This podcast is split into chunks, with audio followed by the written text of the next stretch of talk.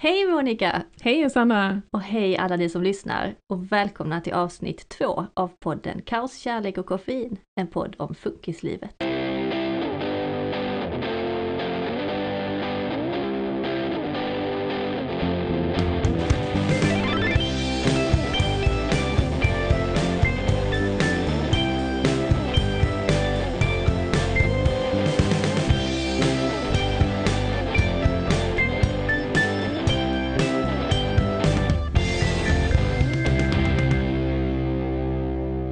Kanske ska presentera oss igen för de som inte hörde pilotavsnittet. Yes!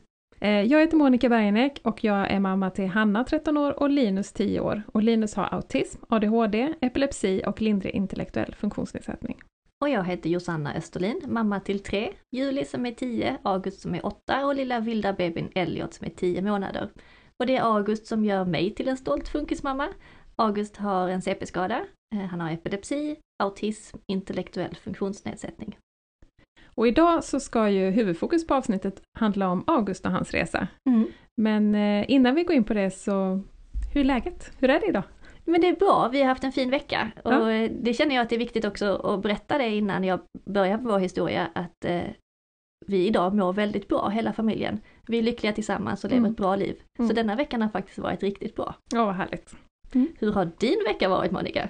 Ja, nej men det är också absolut helt okej, men eh, idag, just idag känner jag så här, jag har varit orolig hela dagen. Man är så här, när det är något med ens barn som man känner inte stämmer, eh, och de inte kan säga själva, så är det så svårt som förälder att man, man går hela tiden och analyserar och funderar över olika tänkbara orsaker. Mm. Eh, och Linus har ju då blivit andfådd vid minsta ansträngning. Ja. Eh, och man blir inte, man får inte akut dålig kondition på en, två veckor. Nej. Så alltså min magkänsla säger så tydligt liksom att något är fel. Ja. Och då blir man den här detektiven, jag kan inte fråga honom hur det känns eller så. Och så har man olika vårdinrättningar då som man är emellan. Vi har habiliteringen, vi har barnneurologen och så har man vårdcentralen om det är något fysiskt. Mm. Och det är så svårt att veta vilket spår ska jag börja dra i och ja.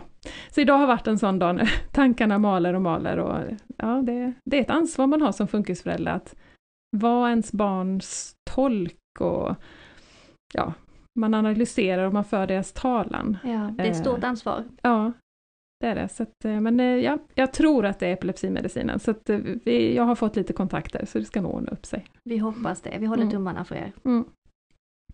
Eh, en annan sak som, jag, som har hänt i veckan, som Ja. jag bara känner att jag måste få kommentera, Det ska du få göra. eh, handlade ju om att kommunfullmäktige i Malmö skulle ju rösta om en motion som handlar om att barn i grundsärskolan skulle få rätt till skolskjuts även för fritids på Yes. lov och studiedagar. Och den motionen kom ju till för ett år sedan när jag hade mejlat alla politiker i, i Malmö om behovet och Vänsterpartiet nappade och skrev en motion. Ja. Och nu var det då dags för röstning.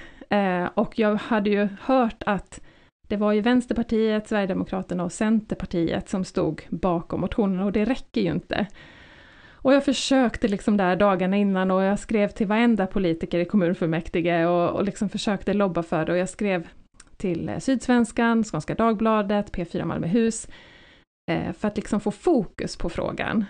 Wow, så Eh. häftigt som du ligger i. Jag kunde inte låta bli, det är så viktigt för så många. Verkligen, och vi är Och- så många som är tacksamma för att du för vår talan. För Ja. inte alla som kan eller orkar eller Nej. vet hur man ska göra. Nej, vi får växeldra, Ja. vi funkisföräldrar. Men i vilket fall så, och jag kände redan när jag hade det här nationella skolskjutsuppropet och vi jag kontaktade en massa media, att det är liksom ingen som nappar på de här frågorna. Nej. Att de får inte synas för att de är väl så smala så att det finns inget så här allmänintresse av funktionsrättsfrågor. Nej.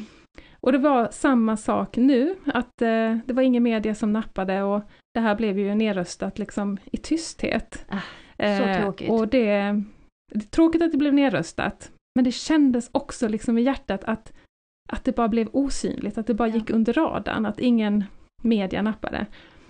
Eh, och sen dagen, om det var dagen efter eller en dag till efter, så ser jag en rubrik i Sydsvenskan. Han vill markera ut originaltriangeln vid triangeln, men får nej. Och här kommer ingressen för denna viktiga nyhet. Moderaten John Roslund vill markera ut den stenrefug som tros ha gett namn åt triangeln. Detta för att påminna Malmöborna om platsens historia. Men förslaget röstas ner av tekniska nämnden. Mm. Inga fler kommentarer behövs. Nej. Vi bestämde ju sist att vi skulle göra som Funkismorsorna gjorde och ha ett avsnitt om Linus och ett avsnitt om August. Eh, så att alla ni som lyssnar ska få ta del av deras diagnosresa Ja. fram till idag. För jag tror ju att annars kommer det vi kommer prata om framöver bli helt taget ur sitt sammanhang. Precis. Så så gör vi och då har vi bestämt att vi ska börja med August och Ja. hans resa. Yes. Eh, och eh, jag, jag känner inte till så mycket så jag tycker också det här ska bli jättespännande att få höra. Jag vaknade tidigt på Agges ettårsdag av att Attila skrek mitt namn.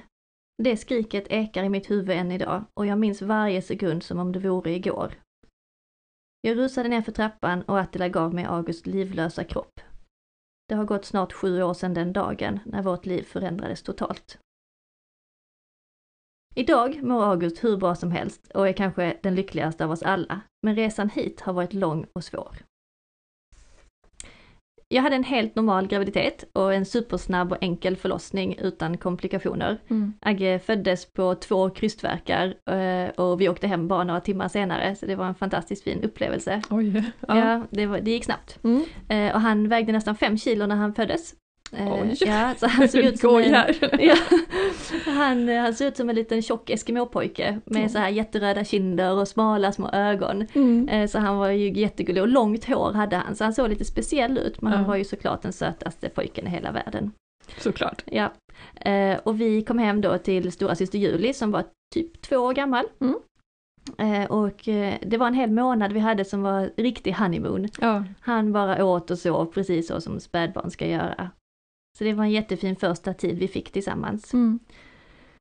Sen var det många saker som dök upp under bebistiden som jag kanske reflekterade mest om i efterhand. Men på typ varje BVC-besök så var det något litet avvikande. Okej. Ehm, Det var aldrig någonting allvarligt eller stort, men det var alltid någonting som föll inom det normala, men lite udda. Okej.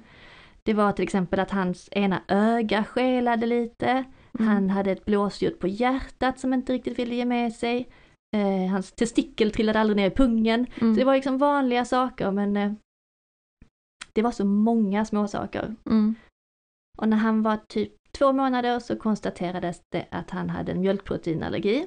Okej. Eh, så han hade eksem på hela kroppen och jag kommer ju aldrig glömma den dagen jag öppnade blöjan och det var blod i blöjan. Åh fy.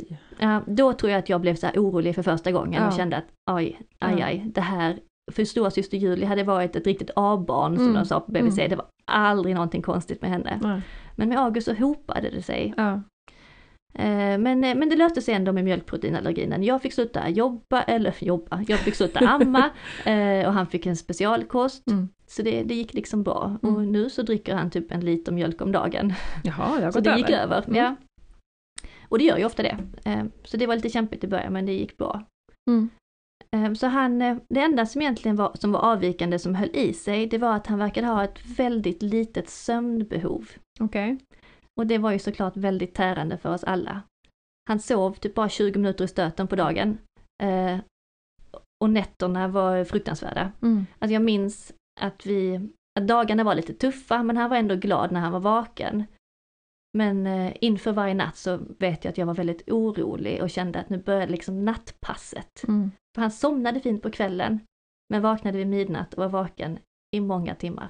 Var detta något som BVC eh, reagerade på eller var det så att alla bebisar Ja, eh, vaknade? Precis, alla ja, bebisar är vakna. Ja, jag fick ja. höra det så många gånger. Ja. Och jag kände väl det, ja men okej, då var väl Agge en sån bebis som inte sov så mycket. Mm. Eh, Men jag vet att jag gick här i kvarteren med barnvagnen varje natt och tittade in hos grannarna som sov. Ja.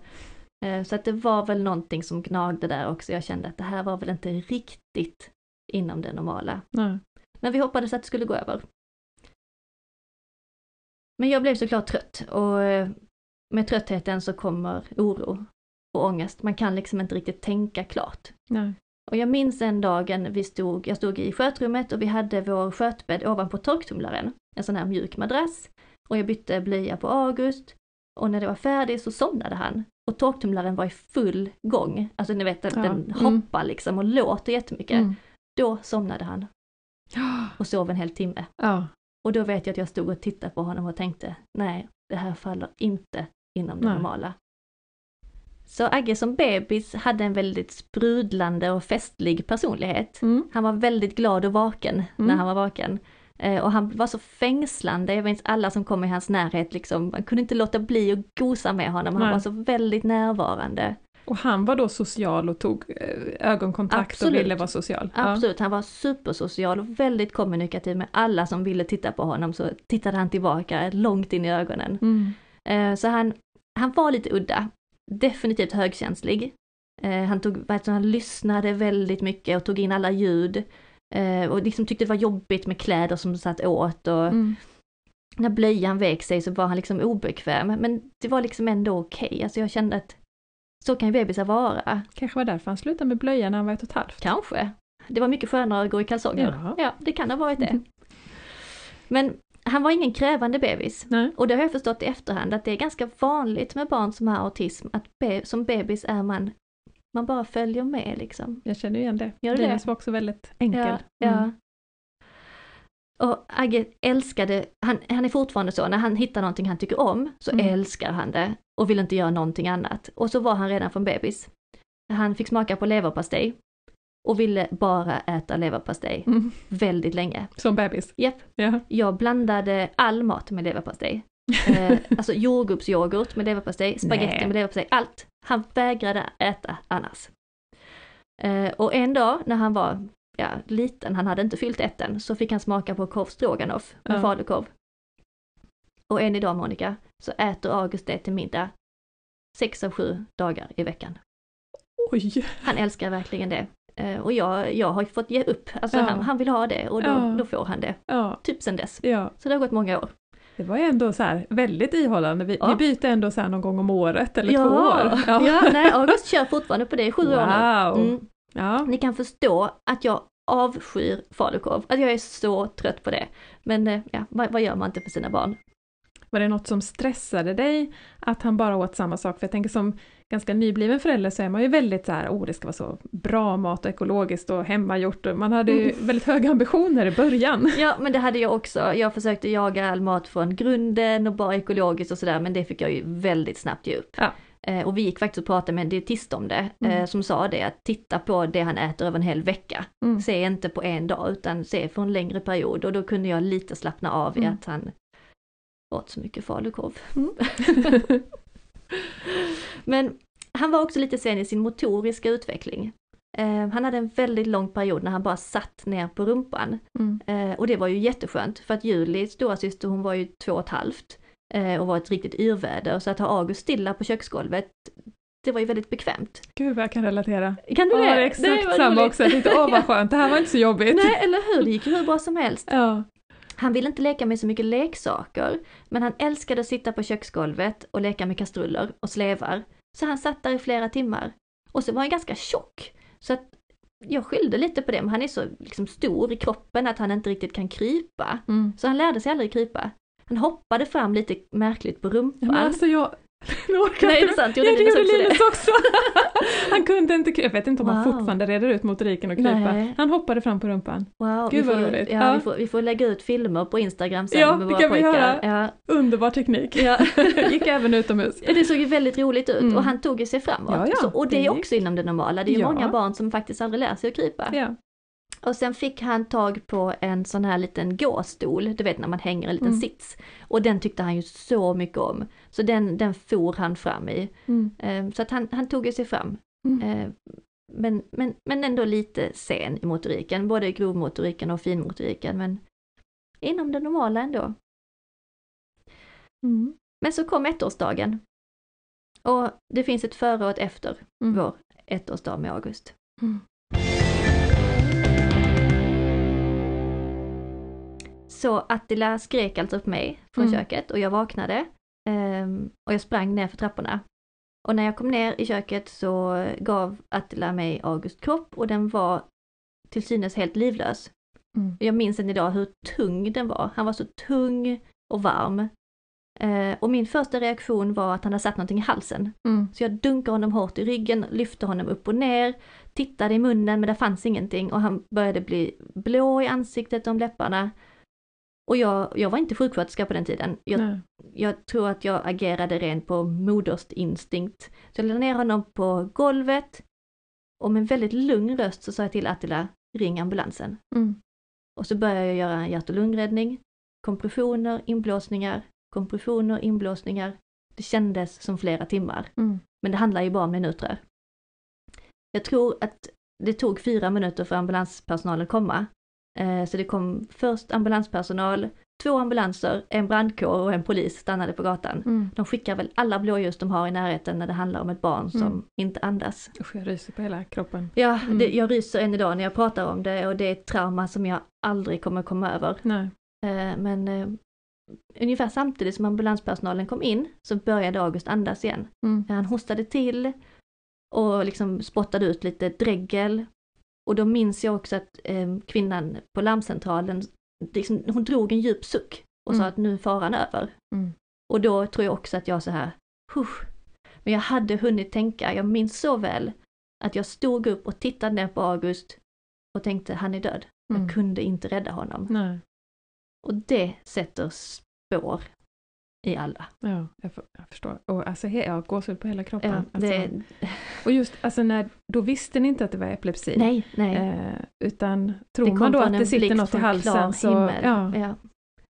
Ehm, Mm. Men, och jag visste inte heller vad som hade hänt. nej. Och vi fick väldigt snabbt ta August och jag fick åka in eh, med ambulansen. Mm, Och då somnade August väldigt tungt i min famn. mm, Och vi åkte in och den tog en temp i ambulansen och eh, han hade en lite förhöjd temp, så lite feber. mm, Men annars var han liksom med och andades själv och syresatte sig fint. mm, Så vi blev inlagda då på, först var vi på akuten några timmar och sen så fick vi komma till infektionen. Mm. Ehm, och ganska tidigt så sa de att det här handlar om en feberkramp. Okej. Mm. Och då var det bara, oh wow, en feberkramp! Gud vad bra, det är ju helt Mm. ofarligt, jättenormalt. Jag hade någon kompis vars barn hade feberkramper, inga konstigheter. Mm, Eh, så hände det inte så mycket mer så att vi fick åka hem. mm, Och ja, det kändes ju som att ja, men vi fortsätter livet som vanligt. mm, Men tyvärr så kom ju kramperna tillbaka. Eh, vid nästa förkylning så började August krampa igen. Eh, och det kom oftare och oftare och det blev längre och längre kramper. Och sen började kramperna komma även när han inte hade feber. mm, Och vi åkte fram och tillbaka till akuten och vi blev inlagda på infektionen.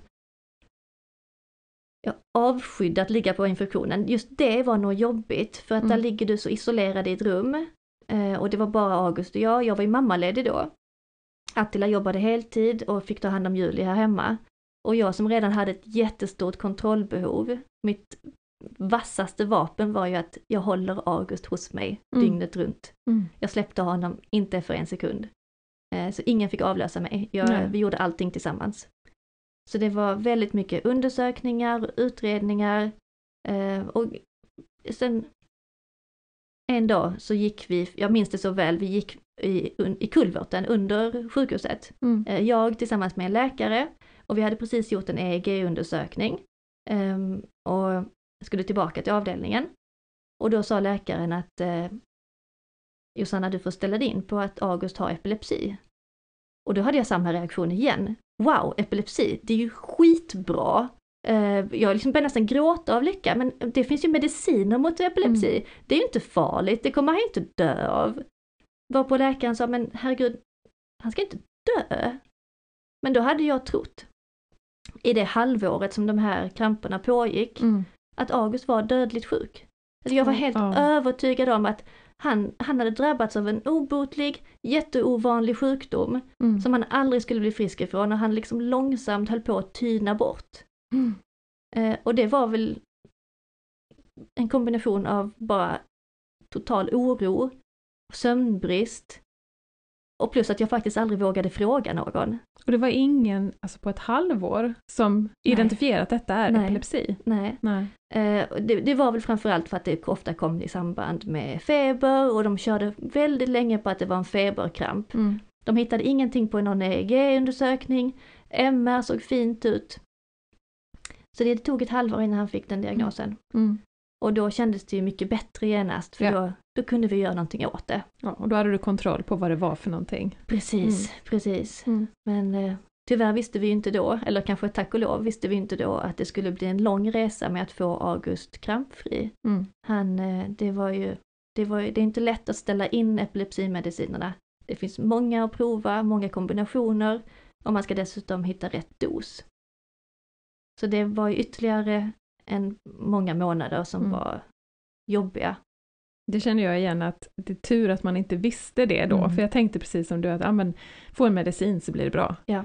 Eh, och det är ju fortfarande inte bra efter åtta år, så att eh, det, det är ibland är det tur att man inte vet. Ja, faktiskt. Ja. Ja. Och jag vågade aldrig fråga. Men det har jag lärt mig nu som sjuksköterska att just när det handlar om oroliga föräldrar, att säga sanningen direkt. Mm. Och säga att det här är inte dödligt, ett barn kommer inte att dö. För det tror man, Mm. det kan man tro vid första förkylningen. När barnet har Ja, feber ja. första gången. Mm. För man tappar lite kontakten med verkligheten för att man blir så orolig. Mm. Så biverkningarna av epilepsimedicinerna var mycket värre än vad vi trodde. Vi hade ju haft vår glada lilla spralliga solskenstråle. Eh, och även om jag nu visste att han inte led av någon obotlig ovanlig sjukdom så, så kändes det fortfarande som det. För han blev som en liten zombie. Mm. Han satt och bara stirrade framför sig. Vi tappade helt kontakten med honom. Och han satt i sin barnvagn och bara med helt tom blick bara satt stilla och sa ingenting. Och när han, var det någon gång han sa någonting så var det bara gnäll och gråt. Och tills han somnade och så när han vaknade så gnällde han och gråt han. Mm. Och jag, jag, gud vad det sitter hårt i mig. Jag kan fortfarande liksom åh, känna sånt obehag när han gnäller. Mm. Eh, För det var en jättetuff period. För jag visste ju inte om han skulle komma tillbaka. Nej, Jag trodde ju att den solstrålen som vi hade, att han aldrig skulle komma tillbaka. nej. Och återigen där, det var ingen vårdpersonal som sa till oss att det här är biverkningar och de kommer gå över. nej. Jag trodde ju att han hade blivit skadad av sina kramper. Mm. Eller att han liksom mådde så dåligt eller hade så ont att han inte kunde vara glad längre. Så, Fick, fick ni något stöd i detta som föräldrar efter allt ni har varit med om det här halvåret? ja, alltså jag, de erbjöd på sjukhuset att vi skulle få prata med en kurator. Mm. Eh, Och min första reaktion var, nej, alltså det är inte jag som ska ha hjälp. Det är min son ni ska rädda. Mm. Eh, Så jag tackade nej till det direkt och det Mm. var ju ett jättestort misstag. För gud vad vi hade behövt stöttning då. Mm. Jag kände ingen som eh, hade ett barn med någon som helst svårighet. Eh, Jag var, vi var så ensamma i det och jag kunde inte prata med någon om det. Så det var ett stort misstag att inte ta hjälp från början. Man behöver sätta syrgasmasken på sig själv först för att kunna hjälpa sina barn på bästa sätt. Verkligen. Och man Mm. behöver ju säga det till en mamma hundra gånger. Mm. För att jag fick höra det men jag fattade inte vad de pratade om. Vadå? Nej. Nej, jag, det nu är det barnet det handlar om. Mm. Jag klarar mig. Mm. Men det gjorde jag ju inte. Jag blev väldigt vinklippt. Mm. Och sömnbristen fortsatte ju. Mm. August sov bara sämre och sämre. Och vi började bolla med olika sömnmediciner men det var ingenting som funkade. Så han sov inte på nätterna och steg upp väldigt tidigt på morgonen. Det var en tuff period. Ja, det fattar jag. Men så träffade jag en eh, väldigt omtänksam BVC-sköterska som vänligt men bestämt skickade iväg mig till barn och mödrapsykologerna. Ehm, och det var väldigt bra, det var i verkligen i sista sekunden. Mm. För där tvingades jag till att ställa frågor till mig själv eh, och reflektera över vad det var jag kände och varför jag kände som jag gjorde. Mm. Och jag minns att jag förklarade för den här BVC, eller mm, psykologen att eh, sen August ettårsdag och det första anfallet, att det kändes som att jag då tog på mig ett par glasögon med lila glas. Mm. Och det lila skenet symboliserade min oro för epilepsin och kramperna. Mm. Och jag tog aldrig av mig glasögonen. Jag hade, det var dygnet runt. Mm. Jag såg allt jag gjorde och allt jag, allt jag sa och varenda andetag färgades av min rädsla för epilepsin. Mm. Eh, och hon försökte ju få mig så här, ah, men du måste ha epilepsin i ett fack och din man i ett annat fack och din stora syster i ett annat och göra saker på din fritid. Eh, nej, Det är Jag- så mycket lättare sagt än gjort. ja det gick Ja, ju inte, det var ju en nej. fin tanke men jag var inte där då. Inte när man fortfarande är i så akut skede på något sätt. När Precis. det verkligen inte är under kontroll. Nej, jag, det hade över behö- livet. jag vet inte vad jag hade behövt. Jag vet inte vad de skulle kunna säga till mig för att göra det bättre. Men jag var inte redo för att satsa på min fritid. Nej, Eh, Jag var ju inte ens redo för att släppa August en sekund från mig. nej, Eh, Så ja, det, det är en bra fråga. Vad skulle, vad skulle jag ha fått för hjälp? Nej. Jag vet inte. nej. Men eh, jag fick inte riktigt den stöttningen jag behövde. Men jag minns att det var fint att få gå och prata med henne en gång i veckan. Mm. Just för att jag tvingades till att känna, känna efter. Mm. Sätta ord på saker Ja. eh, kan ju hjälpa också. Ja. Mm. och det var den enda tiden jag faktiskt tog till mig själv. Det Mm. var när jag cyklade bort till henne eh, och hade ett samtal i en timme. Och Mm. sen så skyndade jag mig hem igen till August. Mm. Men det var värdefullt. Och den psykologen har faktiskt följt oss, hon följer oss fortfarande. Så det har Wow. varit en bra kontakt. Så fint. Ja. Ja. Och hon har själv epilepsi. Så det minns jag när hon sa att jag fick lite hopp. Mm. För hon sa att hon har epilepsi som fortfarande var liksom aktiv och hon hade fortfarande kramper men där satt hon, Mm. vuxen med Mm. egna barn Mm. och psykolog och då kände jag att ja men Det här det kan bli kanske- bra. Det kan bli bra ändå. Ja. Men jag gick där i många samtal ehm, och i flera omgångar faktiskt. Och, och en lång period så gick, vi, gick jag och pratade med henne för att August blev svårare att hantera. Mm. Han blev ju äldre, tvåårsåldern och treårsåldern med allt vad det innebär. Det, han blev väldigt trotsig. Eh, och han ville aldrig göra som jag sa. Han bråkade, han slogs, han spottades och sparkades. Och det gick liksom till en gräns när det kändes inte riktigt normalt längre. Mm. Eh, och jag hade ju Juli som, han var ju inte mitt första barn. Och jag hade ju gått igenom den här perioden med Juli så jag visste ju vad det skulle kunna innebära men August tog det ett steg längre. Mm, Han tog mm. det ett steg för långt. Mm. Jag försökte använda alla mina verktyg men ingenting funkade. Nej.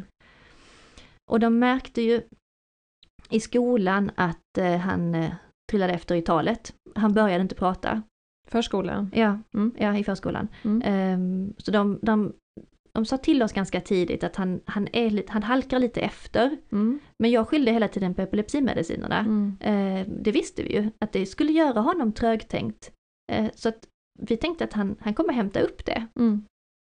Så de skickade, jag, var, jag minns så väl att jag var på BVC på, kan det vara treårskontrollen? Eh, när August vägrade gå in till sköterskan för han kollade ju på fiskarna i akvariet i väntrummet. Eh, och jag fick inte in honom. Nej. Alltså han skrek sig blå för han skulle kolla på fiskarna. Och sköterskan tittade på mig igen och sa att nej men nu får vi nog ta ett varv till hos barn och mödrapsykologerna. Ja. Ehm, Så då åkte jag dit igen och försökte berätta för henne att August var faktiskt ganska svår att hantera. Eh, varpå hon la det i mitt knä. Det var liksom mitt ansvar, det var jag som skulle bli en bättre förälder. Jag skulle få bättre verktyg för att hantera honom. Men det var aldrig någon fråga om att det var han, att det var någonting med honom. Nej. Eh, Så jag gick bara därifrån med känslan att jag var en ganska värdelös mamma. Eh, Och det, det behövde jag inte.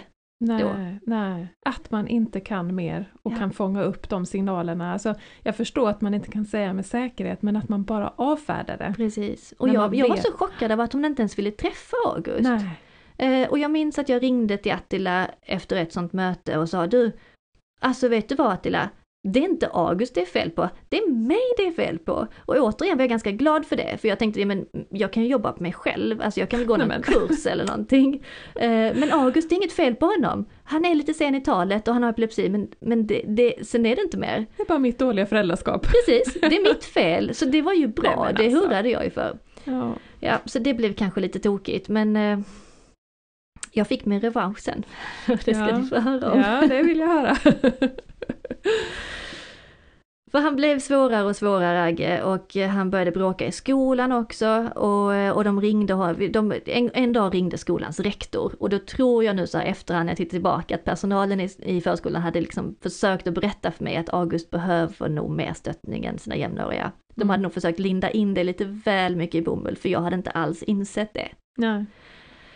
Men så ringde rektorn och sa att Josanna, ni har en jättefin kille, eh, han är supergullig, men eh, vi behöver sätta in mer personal för att kunna ta hand om honom i Mm. förskolan. Och då Mm. trillar väl poletten ner att, ja men okej, då är det kanske inte bara epilepsin och eh, trots åldern och en jävligt dålig mamma, utan då är det kanske någonting mer. Mm.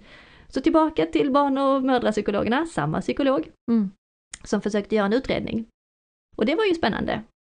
Ehm, för att det, hon, hon satt i det här lilla rummet och jag skulle sitta på en liten soffa i ett hörn och inte säga någonting.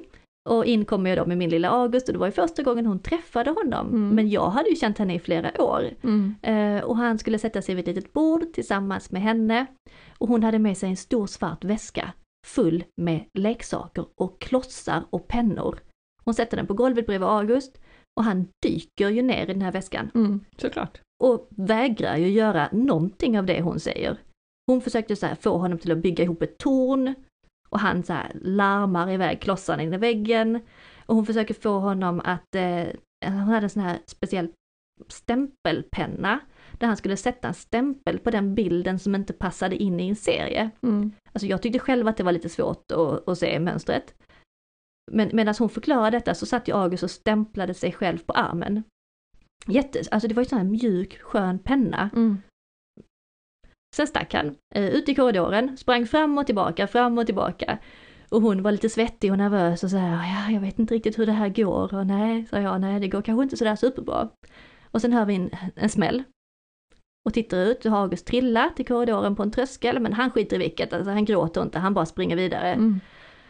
Och sen sa hon, ja men okej vi, vi skickar nog en remiss till habiliteringen istället för att han, eh, det här funkar inte. Och kan du känna den känslan? Jag bara plockade upp min lilla son och kände, du August, nu drar vi härifrån. Ja, vi hade så här, alltså, vi, vi bara flyttar ut i skogen och skiter i detta. De, de vet ju inte vad de ska göra. Du sa inte att det kanske var hon som var dålig psykolog nu då? Jag ville nästan säga det. Ja, hur bra gick detta? Nej, precis. Eh, Men när vi gick ut från korridoren så ser jag att Mm. där August hade trillat på den här tröskeln så hade han Mm. slagit upp sitt knä och han, han blödde väldigt enkelt för det var också en epilepsi Mm. biverkan av det. Det var en liten pöl med blod och så hade han tagit sin lilla tjocka knubbiga hand och dragit längst med hela korridoren. Så det var sånt blodspår. Hej då. Hej då, sa jag. Så psykologen trodde att det här handlade om en utvecklingsförsening. Och att August kanske skulle hämta upp den över sommaren, för det gör tydligen barn. Oh, det lät ju fint tyckte jag. Ja, hopp igen. Eller hur, hopp igen. Så att vi, och jag tänkte utvecklingsförseningar, men då hämtar han ju det. Eh, han har ju haft det tufft i liksom första period i livet, så att nej men nu, nu kör vi liksom. Så vi tog sommarlov, eh, fick upp lite hopp Mm. och sen blev vi kallade till habiliteringen. Eh, och det första mötet där med en kurator och en psykolog, jag och Attila och lilla August. Mm. Och August satt då jättefint i mitt knä och var superlugn och la ett pussel. Eh, och, jag, och vi var liksom, vi visste inte riktigt vad som skulle hända. Men den psykologen sa direkt att August har en intellektuell funktionsnedsättning. Okej. Eh, och jag blev lite paff, jag hade knappt hört det uttrycket. Och vi var så inställda på att det här var en försening som han skulle hämta upp. Mm. Men eh, de kunde fastställa det liksom direkt att eh, han kommer utredas om eh, ett år eller två Mm. för att fastställa vilken nivå av intellektuell funktionsnedsättning han har. Mm. Och så sa psykologen att eftersom han sitter här och lägger pussel så fint så handlar det troligtvis om en lindrig IF. Okej. Okej, så det var ett ganska kort möte och Attila körde till jobbet och jag cyklade hem med August och då sköljde en sorg över mig. Mm. Det var lite som en käftsmäll. För Mm. jag hade ändå trott att det skulle gå över, att, det skulle, att han skulle hämta det. Mm. Men eh, då började jag sörja, Mm. som om han hade dött Mm. på riktigt. Mm. För då förlorade jag ett barn eh, som... Då skulle ingenting bli det li- sig likt igen. Eh, och förutom sorgen så var det också en skam över att jag sörjde. För Mm. August fanns ju fortfarande hos mig. Mm. Han var ju samma kille som han var dagen innan. Mm. Och jag ringde till mina föräldrar och sa det att det är liksom inget som har hänt men August kommer liksom inte hämta igen den här förseningen utan han är liksom permanent sen. Mm. Eh, Det kommer vara för hela livet. Och- man måste ju få sörja och vara ledsen för ändå det man, den bilden man hade haft, det man hade målat upp, alla förhoppningar man hade. Eh, sen blir det ju någonting annat som också kan bli bra, men, men man måste få vara ledsen tycker jag. Ja, Och sörja, och jag kan fortfarande ibland känna en sorg, ja. men det har ju inte med barnet att göra, utan det är ju kanske över hur livet, precis hur livet eh, blev. blev ibland eh, och när det går ut över syskonet eller Ja, något sånt. ja. Men det har ju inte med, med barnet att göra. Nej. Men man måste jag- få vara ledsen. Ja, och jag önskar så att någon hade sagt det till mig då. Mm. Precis de orden. Det är okej att du är ledsen. Mm. För jag skämdes över Mm. att jag var ledsen. Mm. Eh, och jag sa inte det till någon. Så jag hade både sorgen, Mm. som var lika stark som om han hade dött, Mm. eh, och skammen över att vara sorgsen. Ja. Eh, Så att det, det kommer vi säkert återkomma till i podden. Med sorg, Eh, ja. Ja, Med det sorg, ja. För det är väldigt, det, det, det känner man ju nästan varje dag. Mm. Eh, Men då minns jag att jag grät för första gången. Eh, Och det var inte så mycket över August, utan det var för att jag kom på att jag skulle aldrig bli farmor. Han Mm. skulle aldrig få skaffa sin egen familj. Mm. Och det hade jag ändå fram tills den dagen trott, att han skulle bli som alla andra. Mm. Så det, det, då grät jag första gången. Mm. Sen har jag inte gråtit jättemycket sen dess. Eh, för det var liksom som att jag bara sköljde över mig då. Mm. Men sen tog jag mig i kragen på något sätt. Eh, och redde ut det. Att Mm. Jag fick acceptera det. Att nu är det så här. Och nu är det så för evigt. Mm. Och de misstänkte också att han skulle ha autism och eller ADHD. Och han skulle utredas för det när han blev äldre. Mm. Så innan han började förskoleklassen så startades eh, utredningen i skolan. Och den gick ganska snabbt. Det var en skolpsykolog och så är det fyra olika delar i den här eh, utredningen. Så vi föräldrar fick ju också svara på typ en miljard frågor. Eh, och de iakttog honom i skolan. Så jag tror på bara någon vecka så var den utredningen kvar och eh, fastställdes till en medelsvår intellektuell funktionsnedsättning. Mm. Och då hade vi liksom redan accepterat det, så Ja. då var det bara att få det på papper. Eh, och då vet jag att hon skickade remiss till vidare för en autismutredning. Mm.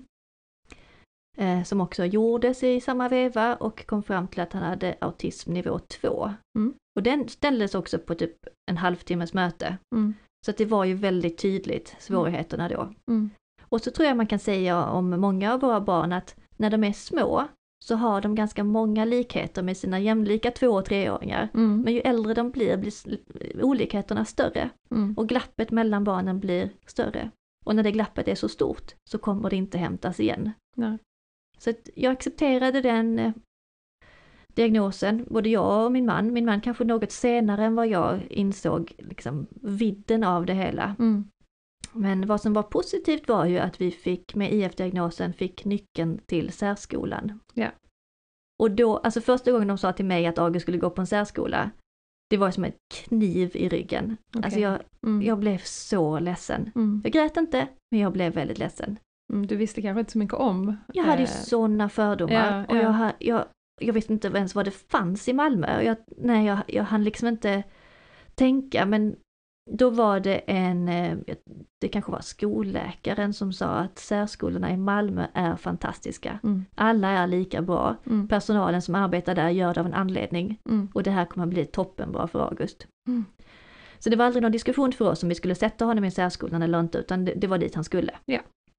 Och vi fick, eh, vi fick komma med önskemål och eftersom vi bor nära Kroksbäck här så, så önskade vi den. Och vi fick komma på ett studiebesök och jag kommer aldrig glömma den dagen. Alltså mitt hjärta dunkade så snabbt för jag Mm. tänkte liksom det här får bära eller brista. Ja. Och de hämtade mig på skolgården och typ gav mig en kram. Det var mitt under brinnande pandemi, nej det var det kanske inte men eh, det- det var, de var så varma Ja. eh, och liksom, det var sån härlig känsla i den skolan. Mm. Och då hade det börjat bli riktigt jobbigt för August i sin vanliga förskola. Även om han hade en, en egen resurs på heltid. Så bråkade han. Han mådde väldigt, väldigt dåligt August och liksom ville inte medverka på någonting. Och skolan ringde mig varje dag. Och jag fick höra hur August gallskrek i bakgrunden. Så jag Mm. fick bara lämna allt jag hade på jobbet och köra och hämta honom nästan varje dag. Mm. Så jag kände att vad särskolan än är, så är det bättre än detta. Ja. Så vi längtade sista året eh, efter att få börja i särskolan. Mm. Och det blev så himla bra. Åh, vad härligt. Ja. Jag, alltså jag, jag kan fortfarande tycka, nu, nu får jag skolskjuts. Mm. eh, ja, han får det, eh, även till och från fritids. Mm. Eh, men, eh, och han tycker det är jättekul att åka taxi. Mm. Eh, men jag tycker det är lite synd för att jag får inte lov att komma och hämta honom i skolan längre. Nej. Annars dröjer jag mig gärna kvar på särskolan och pratar med dem. Och, ja, de är väldigt välkomnande. Mm. Så det blev bra till slut. Så härligt. Ja. Ja.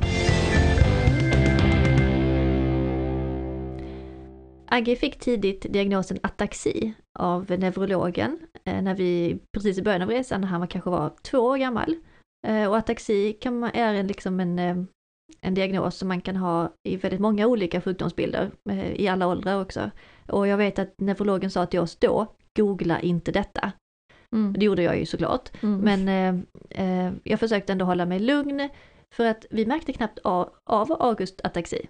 Och det som Om, för de som inte vet vad ataxi Precis. är, vad Det är ju egentligen att man har ett annorlunda rörelsemönster. Okej. Och det kan ta lite olika uttryck, till exempel att man har lite ryckiga rörelser, Mm. att man har svårt att sätta fingret på nästippen, Mm. eh, eller att man har liksom, man skakar lite, man går konstigt, man liksom har ett eh, obalans.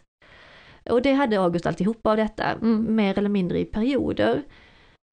Och det blev värre och värre. Ehm, vi var alltid ute i naturen och promenerade varje helg med barnen eh, och vi märkte att August blev tröttare i benen. Han ville sitta mer och vi bar på honom jättemycket. Mm. Ehm, och en dag så åkte handen upp mot bröstet i den här klassiska CP-ställningen, att liksom handleden viks neråt Mm.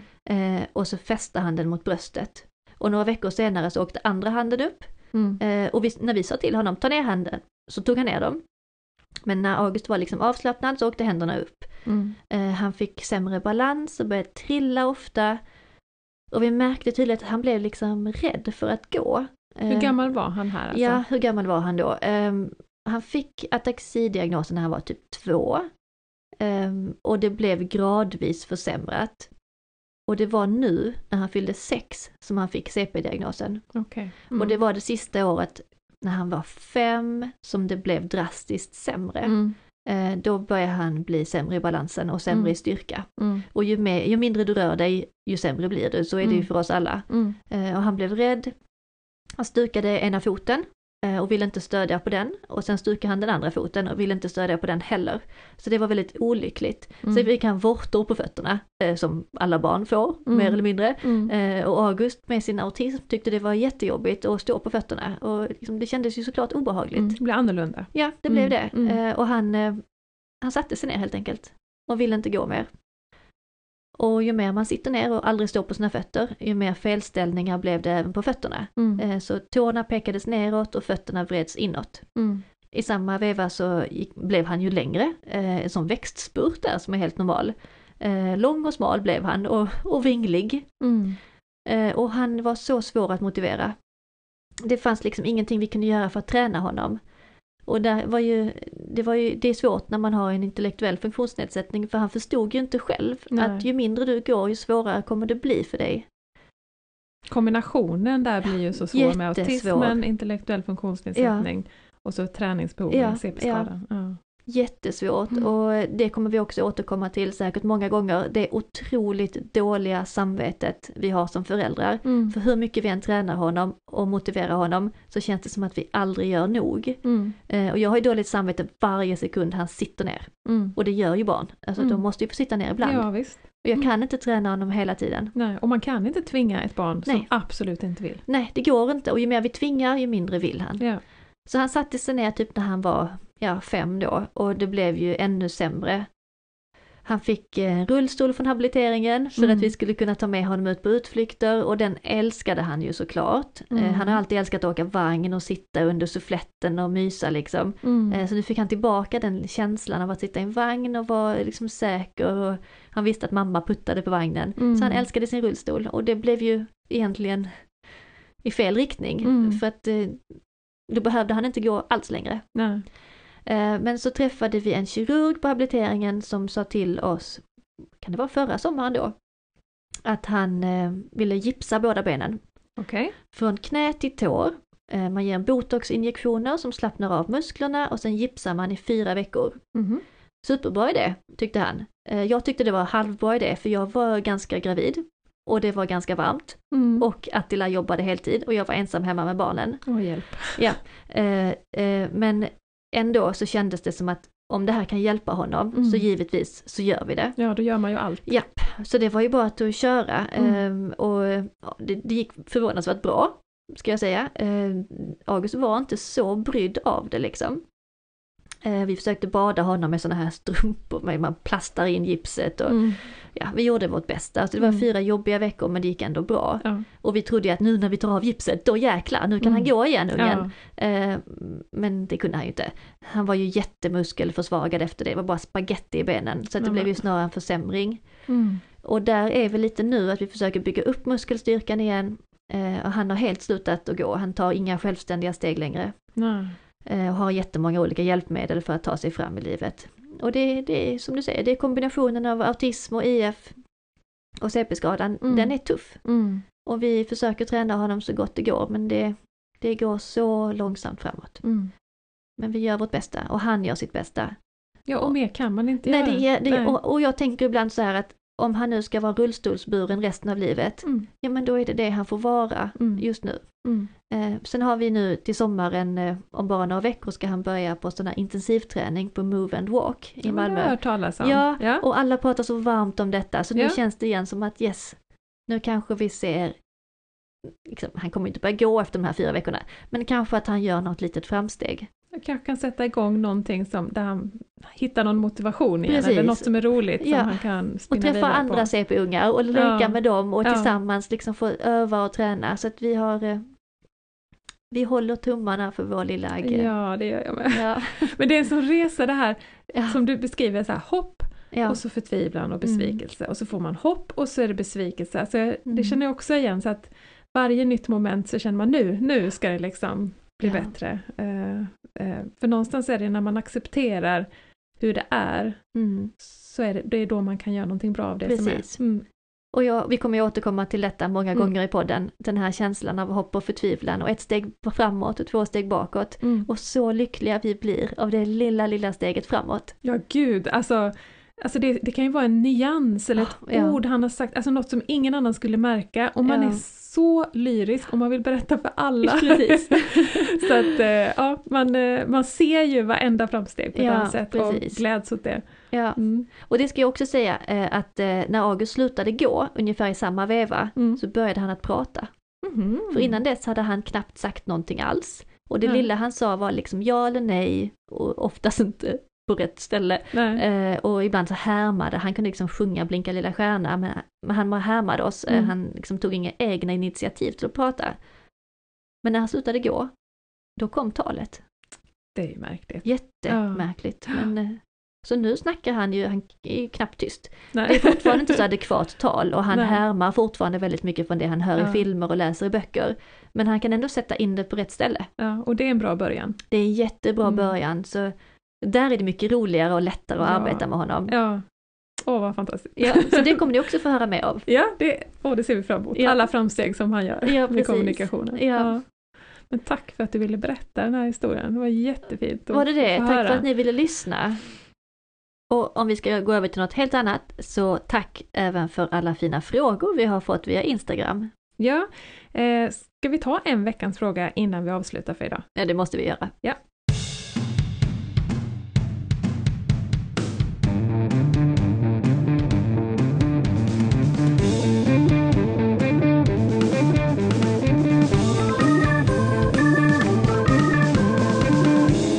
Veckans fråga. Vi har fått in två frågor som handlar om LSS. Ja. Eh, En fråga som handlar om eh, att bevilja insatser till relativt små barn eh, Mm. med autism och en fråga som jag tänkte läsa upp här. Den går så här. Förslag till veckans fråga för mig, eller snarare ett ämne. Avlösare och korttidshem. Vi är inte där än och för mig känns det fortfarande som ett misslyckande. Som att jag inte är en bra mamma som måste lämna bort mitt barn för att få vila. Samtidigt har vi ingen barnvakt och ingen tid att göra saker som par eller med storebror. Så era tankar kring detta vore intressant att höra. Mm. Och jag känner så igen mig, Mm. om jag spolar tillbaka några år. Eh, just det här dåliga samvetet, alltså ett, ett, man säger ett barn utan de här diagnoserna skulle ju vara hos en kompis och sova borta och kanske åka på läger. Det är inget konstigt att ett Nej. barn är borta, men då är ju inte syftet att mamma ska vila. Det är väl det som sitter så långt inne, liksom att jag lämnar mitt barn till någon annan för att jag ska göra något kul, Mm. att det skaver liksom. Det, det känns som ett misslyckande. Ehm, och det var en jättelång resa för oss att acceptera. Mm. Eh, och det var nog egentligen inte förrän han, alltså när det verkligen gick ut över Hannas välmående Ja. som jag vaknade upp liksom. Och, alltså här med korttidsbarnet, vi måste ju ha mer paus. Ja. Eh, och nu har jag ju insett att det är ju att göra något gott för Linus. Precis. Alltså för det första så är ju halva syftet med korttidsboende för barnets perspektiv att de ska få möjlighet till miljöombyte, kanske träffa vänner, göra Mm. nya utvecklande saker. Mm. Eh, för Linus är det verkligen så att han får göra saker som jag inte orkar göra hemma, för det funkar inte hemma. Eh, de gör utflykter och grillar, bakar, de har en trädgård med cykel, vattenspridare. Så nu, Vattenspridare, nu ja. igår, han, han var snabb dit liksom. Och Ja, vattenspridaren ska fram. Och jag vet att Ja. så kommer det vara hela sommaren. Vi bor i Ja. lägenhet med balkong, vi har ingen vattenspridare. Eh, så det är för barnets skull också, eh, och det ska man komma ihåg. Ja, Eh, för att man behöver klippa den där navelsträngen, för att man sitter ihop i någon slags symbios och de behöver också få skapa fler relationer som också utvecklar dem eh, och är viktiga för dem. Sen är ju syskonet jätteviktigt. mm. Och det är ju lite bisarrt egentligen att man behöver påtala det för sig själv, men jag känner så väl igen det att barnet med de här diagnoserna, man, man blir så, man gör allt för dem. Eh, men om man tar ett steg tillbaka så är ju syskonet, syskonets barndom pågår också här och nu. precis. Och det är ja. lika mycket värt och idag har vi fyra dygns korttidsboende. Det innebär att, vad blir det, 27 dygn i månaden så är det Linus som ofta går först. ja. Eh, och det är inte mer än rimligt att syskonet också får ta plats. Eh, Precis, så om det känns jobbigt för att göra det för sin egen skull, Ja. så tänk på syskonen, Ja. eller på parrelationen, Ja. att få göra någonting med sin man. Och sen med facit i hand kan jag säga att jag är en mycket bättre mamma nu när Ja. jag har korttidsboende. Alltså det är sån skillnad att få paus eh, och bara göra ingenting eller få saker gjort. Man får ingenting gjort när han är hemma. Eh, och komma mer ikapp, att göra något kul med Hanna, gå ut och äta. Eh, det gör att jag orkar göra mer saker med Linus. Ja, Eh, och när jag vet att ja, på söndag klockan två åker han till sitt korttidsboende, det är som att jag får mer energi hela helgen. För jag Du vet, vet att pausen kommer. ja, jag ser den och då orkar jag göra den där utflykten eller något. Eh, jag kände precis innan där så var jag nästan fast hemma. Ork jag var så trött och jag orkade ingenting. Nej. Eh, och det gick ut över Linus. Så att jag, nej, det, det är win-win-win. Det är för, för sig själv, för relationen, för syskonet, men framförallt också för barnet Ja, som faktiskt behöver det. jätteklokt. Ehm, Och vi så- förstår så att det, det, det tar emot. Ja, och det är gud, inte ja. en, man knäpper inte med fingrarna och Nej. får det serverat utan det är en kamp att få korttidsboende. Dessutom, och det, och det är ju så svårt när man då har kämpat med sig själv, Mm. kanske flera år. Alltså jag, att jag ens ville våga bara, söka. Nej, jag ville bara gråta när de sa Mm. till mig på habiliteringen. Jag kunde inte prata om det. Eh, och när man väl då tar det här steget eh, så kan det då vara en kamp att få det också. Eh, och det är svårt att kämpa för att få lämna bort sitt barn. Ja. Eh, det, nej, usch, det, det sitter hårt inne men Ja. eh, försök ta ett steg tillbaka och se eh, att det faktiskt gör väldigt gott för hela För hela familjen. familjen. Ja, det gör det. Och den här frågan om eh, Om de ålder. små barnen. Ja. Vi började ju med avlösarservice för det Mm. kändes ju lite lättare när han Hur var gammal yngre. var Linus då? Alltså jag minns inte riktigt, han måste varit fem kanske? Mm. Han var ganska liten, jag minns inte riktigt men eh, det kändes ju lite lättare att börja med för då Mm. fick vi en paus, då kunde vi iväg och göra något med Hanna och så var de hemma. Ah, ja, det Eh, kom en avlösare hem till Ja, er. det är det som avlöser. De kommer att ta över hemma Mm. och sen så fick vi iväg och göra något Mm. annat. Eh, och då kunde man göra allt det där som vi inte kunde göra med Mm. Hanna annars och hon fick liksom fokus från två föräldrar. Mm. Så det är också mycket värt men korttidsboende ger ju lite mer eh, rejäl vila. Ja. Så just nu har vi ju båda och det kompletterar varandra. Jag tror det är större chans att få avlösare till små barn. Eh, och överhuvudtaget är det väl så generellt att eh, desto yngre barnet är, då är det inte säkert att man får så mycket stöd för att det här så kallade föräldraansvaret då är, det. är väldigt stort. Det har vi ju hört många gånger. Det har vi hört och Oj, det kommer oj, vi oj. återkomma till många gånger. det kommer vi, det här kan vi prata om. Ja. Och desto äldre barnet blir så, så är det ju egentligen så att de ska bli mer självständiga, då är det Ja. också lättare att få mer hjälp. Precis. Men eh, så det går inte att säga hur mycket man kan få. Eh, Och det är ju så olika mellan familjer vad man behöver. Absolut, och olika mellan kommuner, var du bor Definitivt. någonstans, Ja, och olika verkligen. mellan olika handläggare. Så vi har mycket att arbeta på för att det ska bli mer rättvist. Ja, det har vi Och verkligen. lära oss av varandra vad man ska säga i en Mm. ansökan och Mm. skriva. Eh, Men eh, om man känner att man är på gränsen att nu orkar jag snart inte mer. Sök Så- hjälp. Ja, sök hjälp för det är en Mm. investering för hela familjen för Ja. vi ska hålla länge. Ja. Det är många år till. Ja. Eh, Och då behöver man paus. Det gör jättegott. Det släpp det dåliga samvetet säger jag som alltid har lite dåligt samvete. vi får hjälpa varandra, vi måste peppa varandra. Ja, Eh, mm, och det ska vi göra funkisföräldrar emellan. Ja, vi ska, ska peppa vi. varandra och stötta varandra Mm. för det är en kamp vi håller på med. mm, Vi har en hög stressnivå och vi har det kämpigt många gånger. mm, Men tillsammans så, så blir det lättare. mm. Ja men precis, det är fina ord som får avsluta den här timmen tror jag. Ja, ja, det kanske får göra det. Jag längtar nästan redan till, Det gör till jag nästa också. vecka. Och nästa vecka är det Linus avsnitt. Ja, så då ska precis. vi få följa er resa. Då, men då avslutar vi här. Tack så jättemycket för att ni var med oss hela Ja. avsnittet och tack för att ni lyssnade och fortsätt gärna skicka in fler frågor. Och om ni gillar podden, eh, berätta för en vän, berätta för familj, släkt, dela på social media. Jättefint. Hjälp oss Ja. att nå ut. Mm. Tack snälla allihopa! Hej då med er! Hej då!